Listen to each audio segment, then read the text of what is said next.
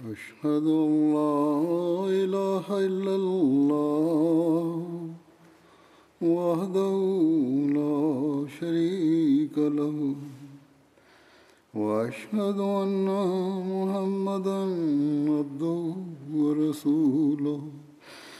أما بعد فأعوذ بالله من الشيطان الرجيم.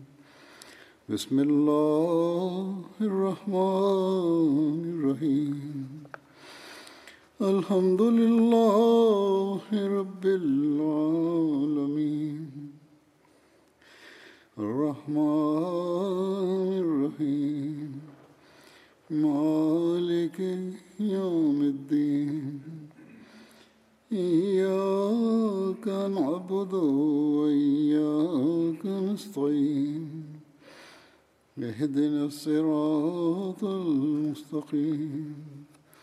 صراط الذين أنعمت عليهم غير المغضوب عليهم ولا الضالين.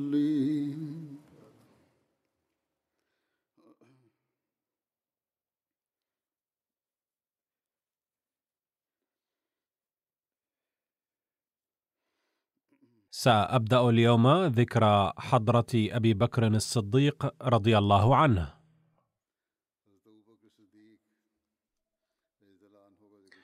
كان اسمه عبد الله واسم أبيه عثمان بن عامر.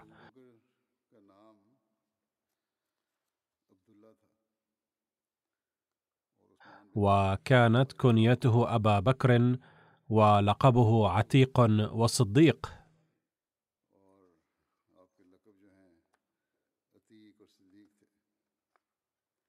وقيل ولد في عام 573 ميلادية بعد عام الفيل بعامين وستة أشهر.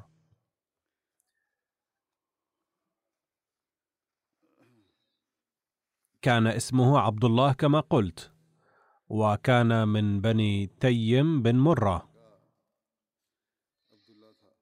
كان اسمه في الجاهلية عبد الكعبة. فسماه رسول الله صلى الله عليه وسلم بعبد الله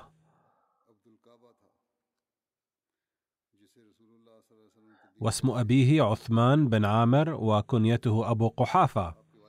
واسم أمه سلمى بنت صخر بن عامر وكنيتها أم الخير.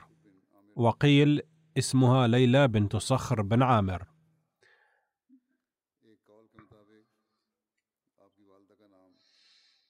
وتصل شجرة نسب أبي بكر رضي الله عنه إلى رسول الله صلى الله عليه وسلم في الفرع السابع.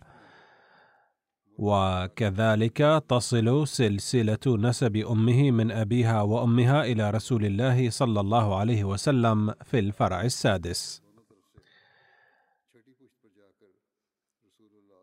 وكانت زوجة أبي قحافة أم أبي بكر رضي الله عنه ابنة عمه أي ابنة عم أبي قحافة.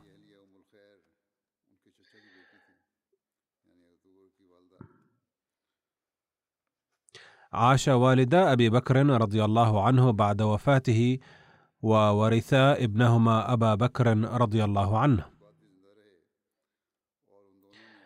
وبعد أبي بكر رضي الله عنه توفيت أمه أولا ثم توفي أبوه في الرابع عشر للهجرة بعمر سبعة وتسعين.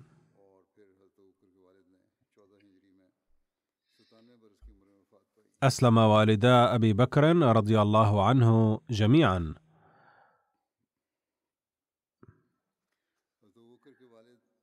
وقصة إيمان والده هي أن والد أبي بكر رضي الله عنه لم يؤمن حتى يوم فتح مكة. وكان قد كف بصره. فلما دخل رسول الله صلى الله عليه وسلم المسجد الحرام خرج أبو بكر رضي الله عنه حتى جاء بأبيه يقوده. فلما رآه رسول الله صلى الله عليه وسلم قال هلا تركت الشيخ في بيته حتى آتيه فقال يمشي هو إليك يا رسول الله أحق من أن تمشي إليه. وأجلسه أبو بكر بين يدي رسول الله صلى الله عليه وسلم فمسح صلى الله عليه وسلم على صدره فقال أسلم تسلم. فأسلم أبو قحافة.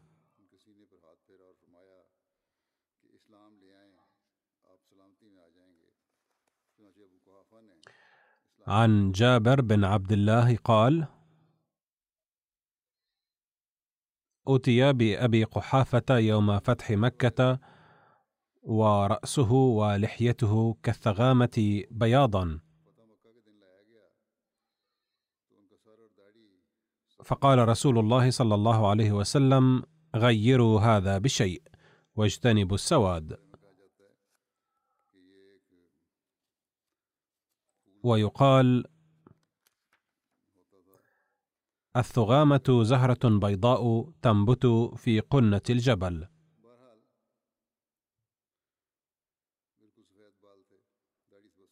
كان شعره أبيض تماما فقال النبي صلى الله عليه وسلم غيروه بشيء آخر أي أخضبوه ولونوه بلون آخر ولكن اجتنبوا اللون الأسود.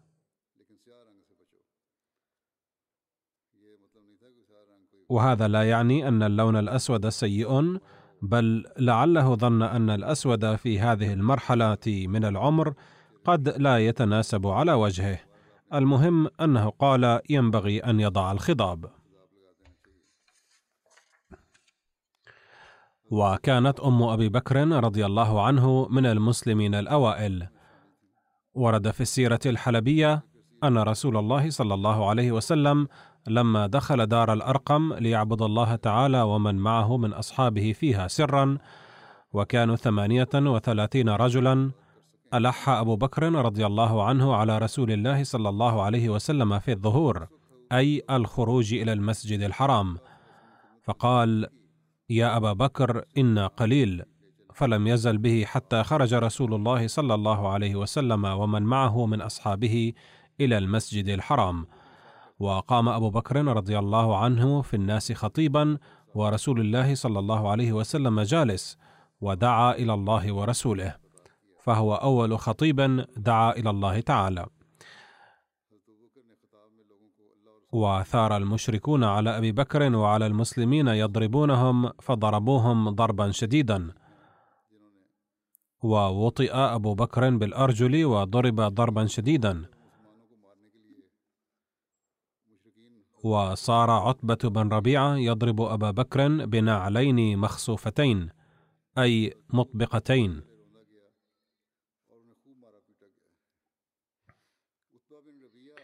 ويحرفهما إلى وجهه حتى صار لا يعرف أنفه من وجهه. فجاءت بنو تيم يتعادون.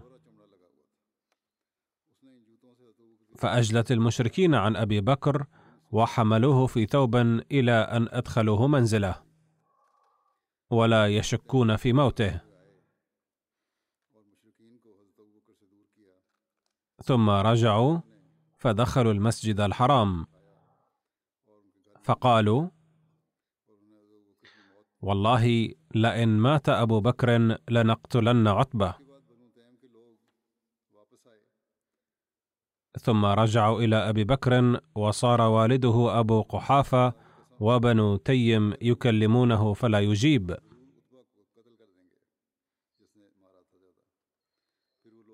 حتى إذا كان آخر النهار تكلم وقال ما فعل رسول الله صلى الله عليه وسلم؟ فعذلوه فصار يكرر ذلك. فقالت أمه والله ما لي علم بصاحبك.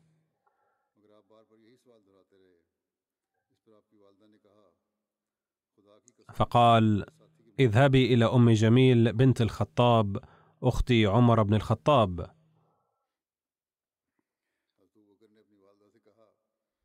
كانت أسلمت ولكنها كانت تخفي إسلامها فاسأليها عنه صلى الله عليه وسلم. فخرجت إليها وقالت لها إن أبا بكر يسأل عن محمد بن عبد الله صلى الله عليه وسلم.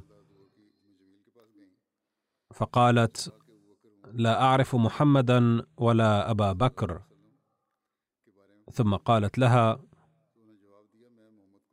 تريدين أن أخرج معك؟ قالت نعم. فخرجت معها إلى أن جاءت أبا بكر رضي الله عنه فوجدته صريعا.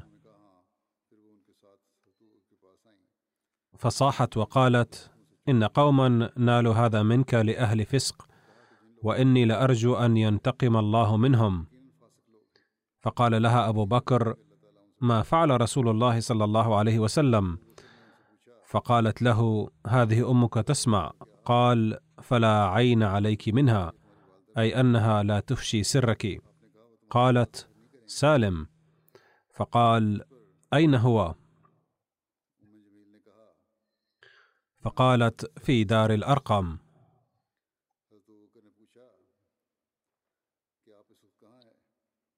انظروا إلى مدى حب أبي بكر رضي الله عنه لرسول الله صلى الله عليه وسلم. فقال والله لا أذوق طعاما ولا أشرب شرابا أو آتي رسول الله صلى الله عليه وسلم. قالت أمه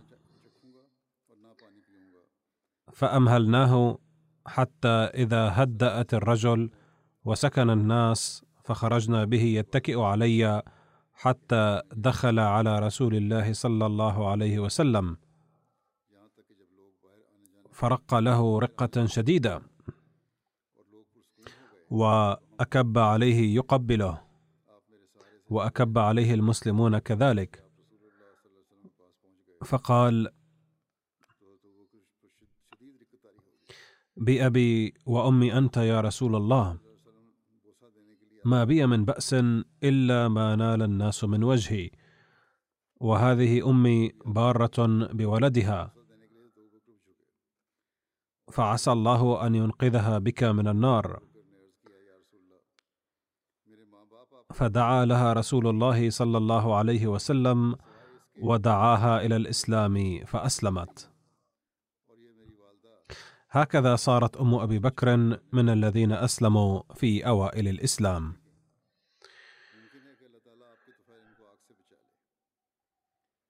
وعن ميلاد أبي بكر رضي الله عنه ورد في كتاب موثوق به عن سيرة الصحابة أنه ولد بعد الفيل بسنتين وستة أشهر. الإصابة في تمييز الصحابة الجزء الرابع. وورد في تاريخ الطبري والطبقات الكبرى أنه ولد بعد الفيل بثلاث سنين. أما ألقاب أبي بكر رضي الله عنه فهناك لقبان شهيران له العتيق والصديق. وسبب تسميته بالعتيق هو كما ورد في رواية عن عائشة أن أبا بكر دخل على رسول الله صلى الله عليه وسلم فقال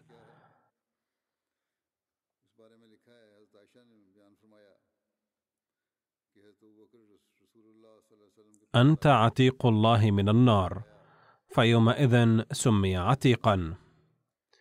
قال بعض المؤرخين أن عتيق كان اسم أبي بكر وليس لقبا. ولكنه ليس صحيحا. فقال العلامة جلال الدين السيوطي في تاريخ الخلفاء عن الإمام النووي قال وما ذكرناه من أن اسم أبي بكر الصديق عبد الله هو الصحيح المشهور. وقيل اسمه عتيق. والصواب الذي عليه كافة العلماء أن عتيقا لقب له لا اسم. لقد ورد في سيرة ابن هشام سبب تسمية أبي بكر بالعتيق أنه لقب به لحسن وجهه وجماله. وورد في شرح سيرة ابن هشام أسباب أخرى للقب العتيق. فمعنى العتيق هو الحسن كأنه أعتق من الذم والعيب. وقيل سمي عتيقا لأن أمه كانت لا يعيش لها ولد فنذرت إن ولد لها ولد أن تسميه عبد الكعبة وتتصدق به عليها. فلما عاش وشب سمي عتيقا كأنه أعتق من الموت. إضافة إلى ذلك وردت أسباب أخرى لهذا اللقب.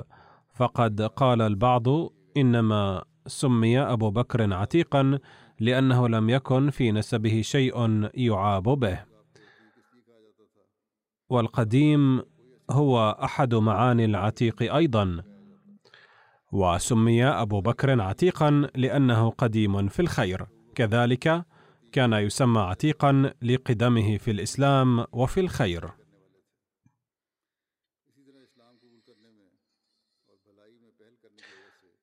أما اللقب الثاني أي الصديق فيروي العلامة جلال الدين السيوطي عن سبب تسميته فيقول: وأما الصديق فقيل كان يلقب به في الجاهلية لما عرف منه من الصدق، وقيل لمبادرته إلى تصديق رسول الله صلى الله عليه وسلم فيما كان يخبر به. وعن عائشة رضي الله عنها قالت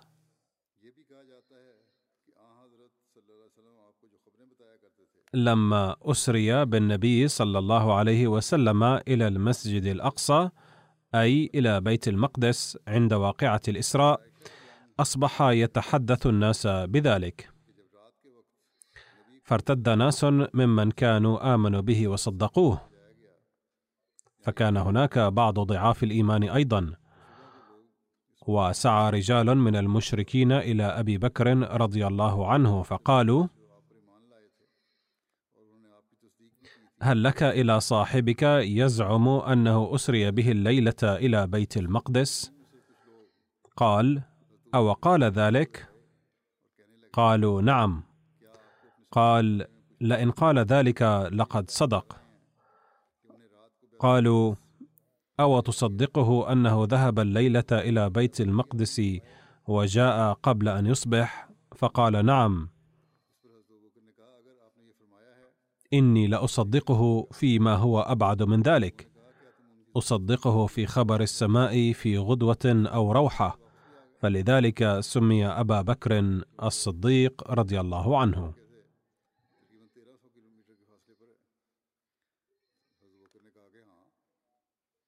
أخبرنا أبو وهب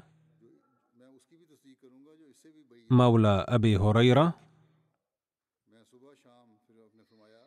أن رسول الله صلى الله عليه وسلم قال ليلة أسري به قلت لجبريل إن قومي لا يصدقونني. فقال له جبريل يصدقك أبو بكر وهو الصديق. هذا ما ورد في الطبقات الكبرى.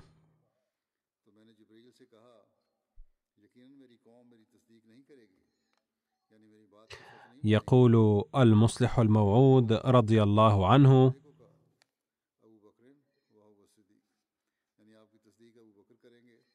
يروى عن عائشة أنه لما أسري بالنبي صلى الله عليه وسلم جاء الناس يسعون إلى أبي بكر فقالوا هل علمت ما يقوله صاحبك؟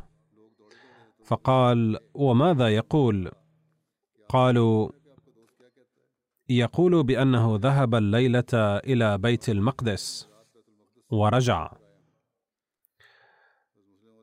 يذكر المصلح الموعود هنا بأنه لو ذكر المعراج مع الإسراء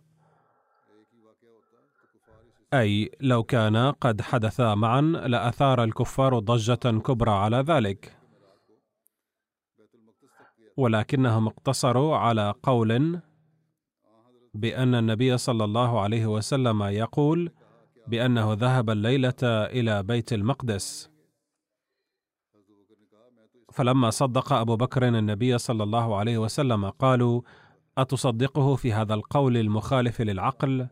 قال أبو بكر إني لأصدقه فيما ينزل عليه كلام من السماء في غدوة أو روحه يقول المسيح الموعود عليه السلام إذا كان النبي صلى الله عليه وسلم قد أطلق على أبي بكر رضي الله عنه لقب الصديق فالله أعلم بكمالات أبي بكر ومزاياه.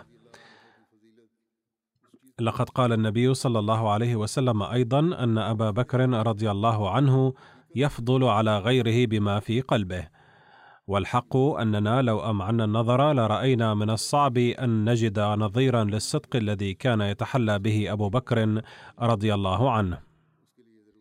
بل الحق أن كل من أراد أن ينال الكمالات الصديقية في أي عصر فلا بد له من أن يسعى جاهدا للتحلي بخصال أبي بكر وفطرته ثم عليه بالمجاهدة والدعاء بكل ما أوتي من قوة وما لم يتحلى المرء بفطرة كفطرة أبي بكر وما لم يصطبغ بصبغته فلن يحظى بالكمالات الصديقية ابدا. إضافة إلى العتيق والصديق كانت لأبي بكر ألقاب أخرى أيضا مثل خليفة رسول الله صلى الله عليه وسلم.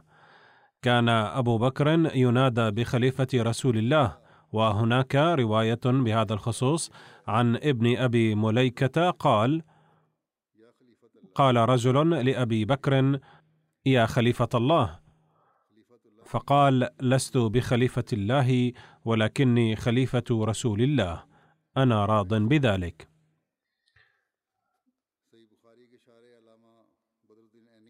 يقول العلامة بدر الدين العيني شارح صحيح البخاري. أجمع المؤرخون وغيرهم على أنه كان يلقب خليفة رسول الله صلى الله عليه وسلم ولكن الظاهر أن أبا بكر لقب بهذا بعد وفاة النبي صلى الله عليه وسلم عندما تولى الخلافة. لذلك لا يمكن القول أنه كان معروفا بهذا اللقب في حياة النبي صلى الله عليه وسلم بل سمي بذلك لاحقا من قبل الناس أو اختاره هو لنفسه. هناك لقب آخر له وهو أواه ومعناه حليم ولين القلب. ورد في الطبقات الكبرى كان أبو بكر يسمى الأواه لرأفته ورحمته. ويعني أواه منيب أنه حليم ولين القلب وتواب إلى الله وخاضع له. ورد في الطبقات الكبرى يقول أحد الرواة سمعت عليا يقول على المنبر ألا إن أبا بكر أواه منيب القلب؟ ألا إن عمر ناصح الله فنصحه. وقيل أنه كان يلقب بأمير الشاكرين أيضا ومعناه زعيم الشاكرين. كان أبو بكر يلقب بأمير الشاكرين لإكثاره من شكر الله تعالى. وورد في عمدة القارئ أن أبا بكر كان يلقب بأمير الشاكرين. وهناك لقب آخر له وهو ثاني اثنين. ولقد لقب الله تعالى أبا بكر بثاني اثنين لقوله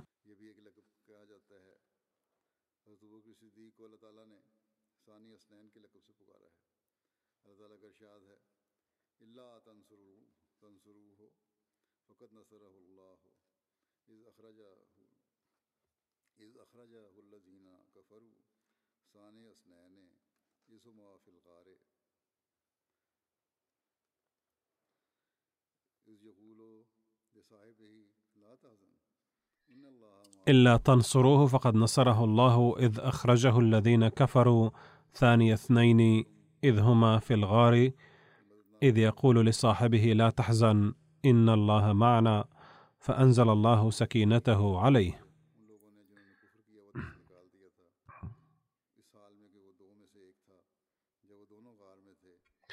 يقول المسيح الموعود عليه السلام أسلى به الله نبيه في وقت عبوس وعيش بؤس وخص باسم الصديق وقرب نبي الثقلين وأفاض الله عليه خلعة ثاني اثنين وجعله من المخصوصين. أتعرف رجلا سمي ثاني اثنين وسمي صاحبا لنبي الثقلين؟ وأشرك في فضل إن الله معنا. وجعل أحد من المؤيدين. أتعلم احدا حمد في القرآن كمثل هذه المحمدة؟ وسفر زحام الشبهات عن حالاته المخفية؟ وثبت فيه بالنصوص الصريحة لا الظنيه الشكية أنه من المقبولين. ووالله ما أرى مثل هذا الذكر الصريح ثابت بالتحقيق الذي مخصوص بالصديق لرجل آخر في صحف رب البيت العتيق. فإن كنت في شك مما قلت أو تظن أني عن الحق ملت فأت بنظير من القرآن وارنا لرجل آخر تصريحا من الفرقان إن كنت من الصادقين. هذا ما قاله حضرته في كتاب سر الخلافة. ثم هناك لقب آخر له وهو صاحب الرسول أي رفيق الرسول. عن أبي بكر رضي الله عنه قال لجماعة أيكم يقرأ سورة التوبة؟ قال رجل أنا أقرأ. فلما بلغ إذ يقول لصاحبه لا تحزن. بكى وقال أنا والله صاحب رسول الله صلى الله عليه وسلم.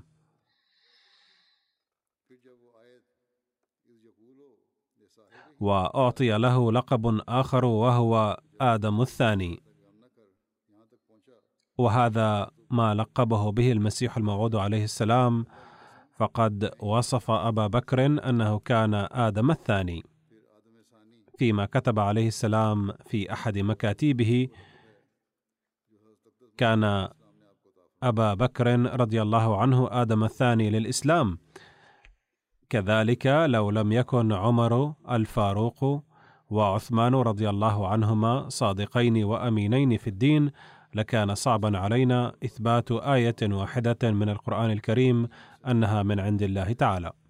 يقول المسيح الموعود عليه السلام في كتابه سر الخلافة والله إنه كان آدم الثاني للإسلام والمظهر الأول لأنوار خير الأنام.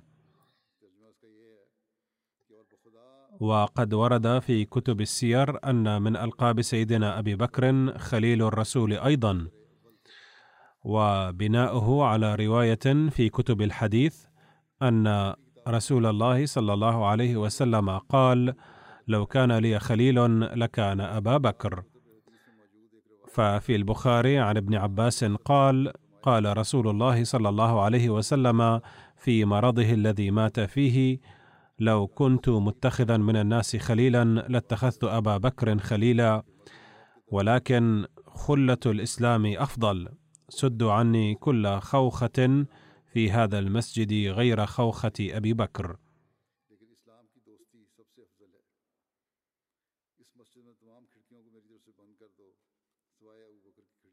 هنا أثارت خلية البحث عندنا السؤال وهو صواب أن من هذه الرواية يثبت فقط أن النبي صلى الله عليه وسلم لو اتخذ خليلا لاتخذ أبا بكر أما أنه صلى الله عليه وسلم قد اتخذ في الأمر الواقع فقد وضح ذلك المسيح الموعود عليه السلام حيث قال إن قول النبي صلى الله عليه وسلم لو كنت متخذا احدا خليلا في الدنيا لاتخذت أبا بكر رضي الله عنه يحتاج إلى الشرح. فما معناه إذن؟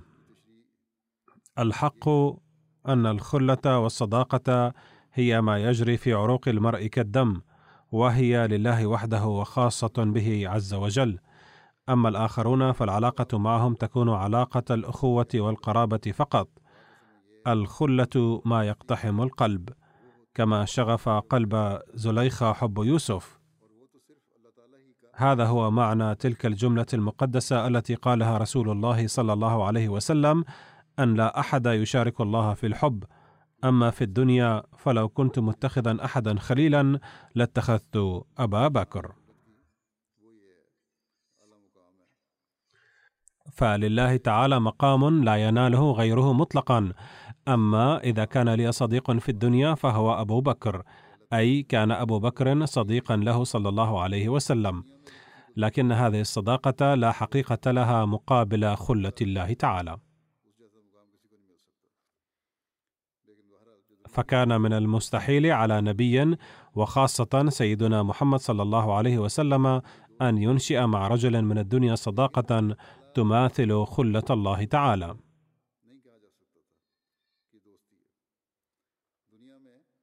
أما ما دونها من علاقات الصداقة في الحياة الدنيا فقال صلى الله عليه وسلم إن أبا بكر أحق بها.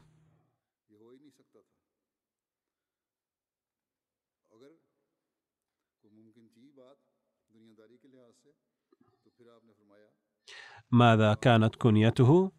فهي أبو بكر ويذكر لها أكثر من وجه. فعند البعض كني أبا بكر لأن بكر هو البعير الشاب. ولما كان حضرته يحب رعاية الإبل والاعتناء بها وكان ماهرا في ذلك فقد سماه الناس أبا بكر. فمن معاني البكر الإسراع والمبادرة أيضا. فقد كني عند البعض أبا بكر لكونه أول من أسلم. فقد ورد إنه بكر إلى الإسلام قبل غيره. وقال العلامة الزمخشري أنه كني بأبي بكر لابتكاره في الخصال الطيبة.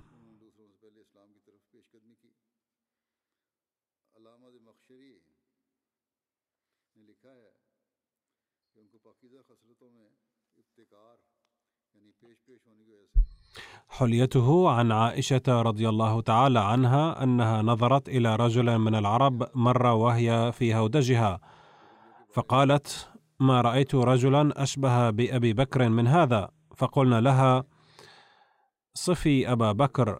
فقالت رجل أبيض نحيف خفيف العارضين أجنأ لا يستمسك إزاره يسترخي عن حقويه معروق الوجه غائر العينين ناتئ الجبهة.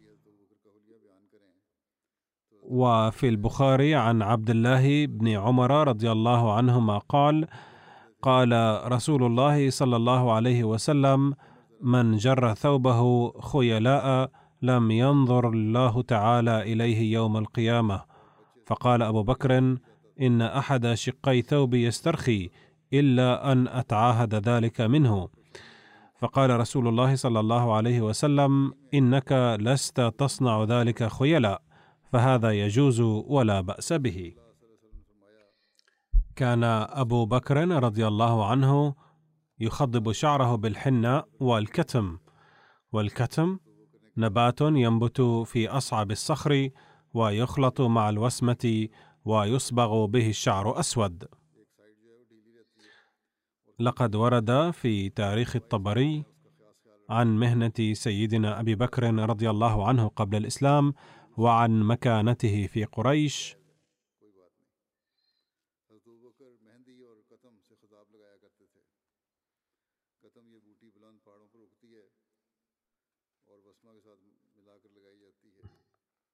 كان أبو بكر رجلا مالفا لقومه محببا سهلا وكان أنسب قريش لقريش وأعلم قريش بها. وبما كان فيها من خير أو شر وكان رجلا تاجرا ذا خلق ومعروف وكان رجال قومه يأتونه ويألفونه لغير واحد من الأمر ويحبونه أي لعلمه وتجاربه وحسن مجالسته. يقول محمد حسين هيكل أن قريشا كلهم كانوا تجارا وكان كل فرد منهم يشتغل في التجارة. فحين كبر أبو بكر رضي الله عنه بدأ هو الآخر تجارة الثياب وازدهرت تجارته كثيرا وعد عاجلا من كبار تجار مكة الناجحين جدا.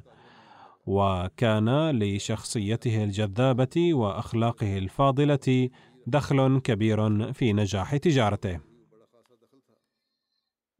حين بعث النبي صلى الله عليه وسلم كان رأس مال أبي بكر رضي الله عنه أربعين ألف درهم وكان يعتق بها العبيد ويعتني بالمسلمين. حتى بقي منها عنده خمسة آلاف درهم عند هجرته إلى المدينة. بعض الأحداث قبل إسلامه. كان أبو بكر رضي الله عنه صدرا معظما في قريش على سعة من المال وكرم الأخلاق وكان من رؤساء قريش ومحط مشورتهم وكان من أعف الناس والصالحين. كان رئيسا مكرما سخيا يبذل المال محببا في قومه حسن المجالسه وكان من أعلم الناس بتعبير الرؤيا. ومن ثم قال ابن سيرين وهو المقدم في هذا العلم اتفاقا كان أبو بكر أعبر هذه الأمة بعد النبي صلى الله عليه وسلم وكان أعلم الناس بأنساب العرب. فقد قال جبير بن مطعم البالغ النهاية في علم الأنساب إنما أخذت النسب من أبي بكر لا سيما أنساب قريش. فإنه كان أعلم قريش بأنسابها وبما كان فيها من خير وشر وكان لا يعد مساوئهم. فمن ثم كان محببا فيهم بخلاف عقيل بن أبي طالب رضي الله عنه فإنه كان بعد أبي بكر أعلم قريش بأنسابها وبآبائها وما فيها من خير وشر لكن كان مبغضا إليهم لأنه كان يعد مساوئهم. وكان عقيل يجلس إلى أبي بكر في المسجد النبوي لأخذ علم الأنساب وأيام العرب ووقائعهم. وكان أبو بكر عند أهل مكة من خيارهم يستعينون به فيما تصيبهم مشكلة. كانت كل قبيلة من قبائل مكة تتمتع بأي منصب من مناصب الكعبة وكانت عنده خدمة ما. فكان بنو عبد مناف مسؤولين عن توفير المياه والحاجات المهمة للحجاج. وكان بنو عبد الدار مسؤولين عن حمل الراية في الحرب وحرس الكعبة ودار الندوة. وكانت قبيلة سيدنا خالد بن الوليد بنو مخزوم مسؤولة عن إمارة الجيش والجند. وكانت قبيلة بني تيم بن مرة مسؤولة عن الديات. فلما شب سيدنا أبو بكر رضي الله عنه عهدت إليه هذه الخدمة. وكان إذا حكم في دية شيء صدقته قريش وأمضوا حمالته وإن احتملها غيره خذلوه ولم يصدقوه. كان سيدنا أبو بكر رضي الله عنه عضوا في حلف الفضول أيضا وكان هذا الحلف الخاص لمساعدة الفقراء ونجدة المظلومين. ففي قديم الزمان نشأت في قلوب بعض العرب النبلاء أن يشكلوا حلفا لهم يساعدون كل ذي حق على نيل حقه وأنهم سيمنعون الظالم من الظلم. فلما كان الحق يقال له في العربية فضلا أيضا وجمعه فضول فقد سمي هذا الحلف بحلف الفضول. وفي بعض الروايات أنه لما كان الفضل جزءا من الذين اقترحوا هذا الحلف فقد اشتهر بحلف الفضول. على أي حال بعد حرب الفجار ولعله خطر ببال الزبير بن عبد المطلب عم النبي صلى الله عليه وسلم متاثرا بها أن يجدد ميثاق حلف الفضول. فبناء على تحريض منه اجتمع ممثلو بعض قبائل قريش في بيت عبد الله بن جدعان حيث كان عبد الله قد أقام وليمة. فأقسموا مجمعين أنهم سيوقفون الظلم وينصرون المظلوم دوما. وكان من بين المشتركين في هذا الميثاق بنو هاشم وبنو مطلب وبنو زهرة. كان النبي صلى الله عليه وسلم أيضا موجودا بهذه المناسبة وقد اشترك في الميثاق. فكان صلى الله عليه وسلم يقول في عهد نبوته أنه اشترك ذات مرة في بيت عبد الله بن جدعان حلف ولو دعاني أحد إليه اليوم أيضا للبيت دعوته.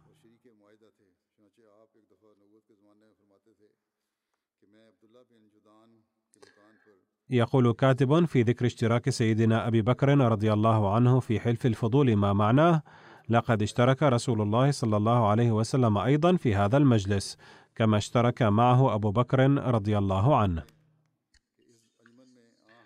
لقد ورد عن العلاقة والصداقة بين أبي بكر رضي الله عنه والرسول الله صلى الله عليه وسلم قبل بعثته أن ابن إسحاق وغيره ذكروا أنه كان صاحب رسول الله صلى الله عليه وسلم قبل البعثة، وكان يعلم من صدقه وأمانته وحسن سجيته وكرم أخلاقه، وكان له صديقا في الجاهلية.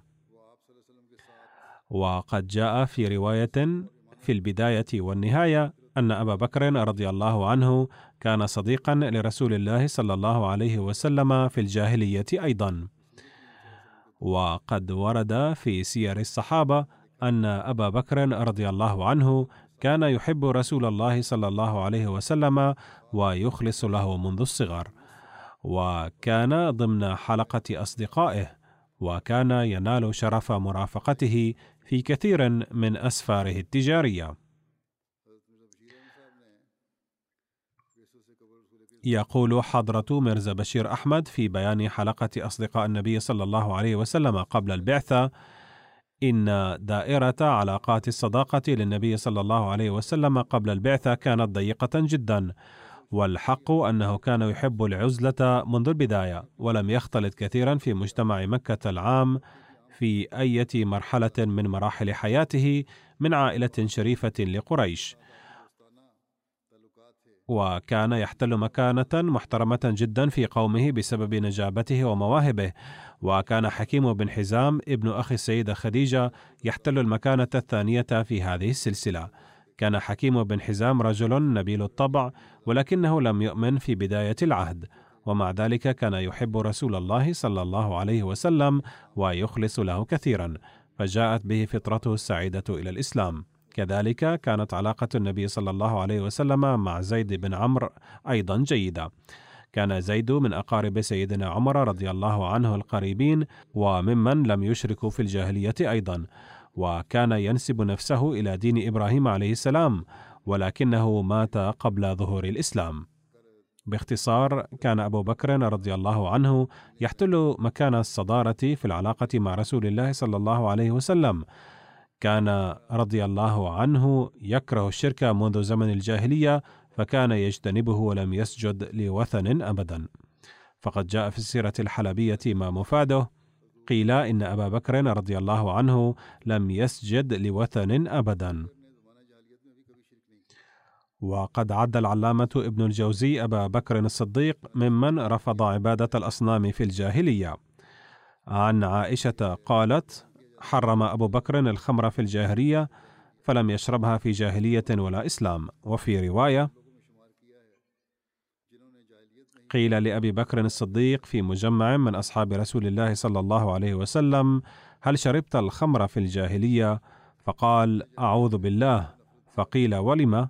قال كنت أصون عرضي وأحفظ مروءتي فإن من شرب الخمر كان مضيعا في عرضه ومروءته. قال فبلغ ذلك رسول الله صلى الله عليه وسلم فقال صدق أبو بكر صدق أبو بكر. هناك عدة روايات عن إسلام أبي بكر الصديق رضي الله عنه بعضها مفصلة وبعضها مختصرة. وسأسرد هنا بعضا منها. عن عائشة رضي الله عنها.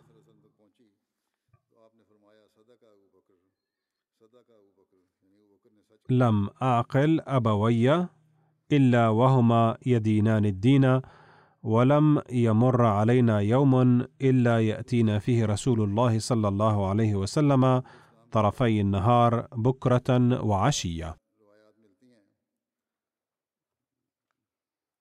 هذا وهناك روايات مختلفة عن إسلام أبي بكر رضي الله عنه. فقد جاء شرح الزرقاني عن إسلام أبي بكر رضي الله عنه. كان يوما عند حكيم بن حزام إذ جاءت مولاه له فقالت إن عمتك خديجة تزعم في هذا اليوم أن زوجها نبي مرسل مثل موسى فانسل أبو بكر حتى أتى النبي صلى الله عليه وسلم فأسلم. وذكرت في سيرة ابن هشام والروض الأنف رؤيا لسيدنا أبي بكر رضي الله عنه رآها قبل البعثة أنه رأى القمر ينزل إلى مكة ثم رآه قد تفرق على جميع منازل مكة وبيوتها فدخل في كل بيت منه شعبة. ثم كأنه جمع في حجره فقصها على بعض الكتابيين فعبرها له بأن النبي المنتظر الذي قد أظل زمانه تتبعه وتكون أسعد الناس به. فلما دعاه رسول الله صلى الله عليه وسلم إلى الإسلام لم يتوقف. هناك رواية في سبيل الهدى عن إسلامه رضي الله عنه جاء فيها عن كعب رحمه الله قال كان إسلام أبي بكر الصديق رضي الله عنه سببه وحي من السماء. وذلك أنه كان تاجرا بالشام فرأى رؤيا فقصها على بحير الراهب فقال له من أين أنت؟ قال من مكة. قال من أيها؟ قال من قريش. قال فأي شيء أنت؟ قال تاجر. قال صدق الله تعالى رؤياك. فإنه يبعث نبي من قومك تكون وزيره في حياته وخليفته بعد موته فأسرها أبو بكر حتى بعث النبي صلى الله عليه وسلم فقال يا محمد ما الدليل على ما تدعي؟ لقد جاء في روايات أخرى أن أبا بكر رضي الله عنه لم يطلب من النبي صلى الله عليه وسلم أي دليل على صدقه إلا أنه ذكر في هذه الرواية أنه طلب الدليل قال الرؤيا التي رأيت بالشام فعانقه وقبل بين عينيه وقال أشهد أنك رسول الله. اذا في هذه الرواية ذكرت رؤيا أبي بكر رضي الله عنه ولكن لم يذكر فيها ما رأى فيها.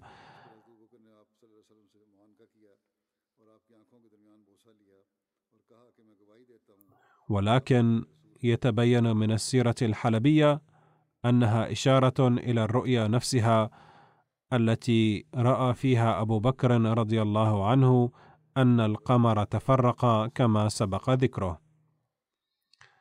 لقد ذكر أبو بكر رؤياه لبحير الراهب. باختصار هناك روايات سجلها أصحاب السيرة وسأسردها مستقبلا بإذن الله تعالى.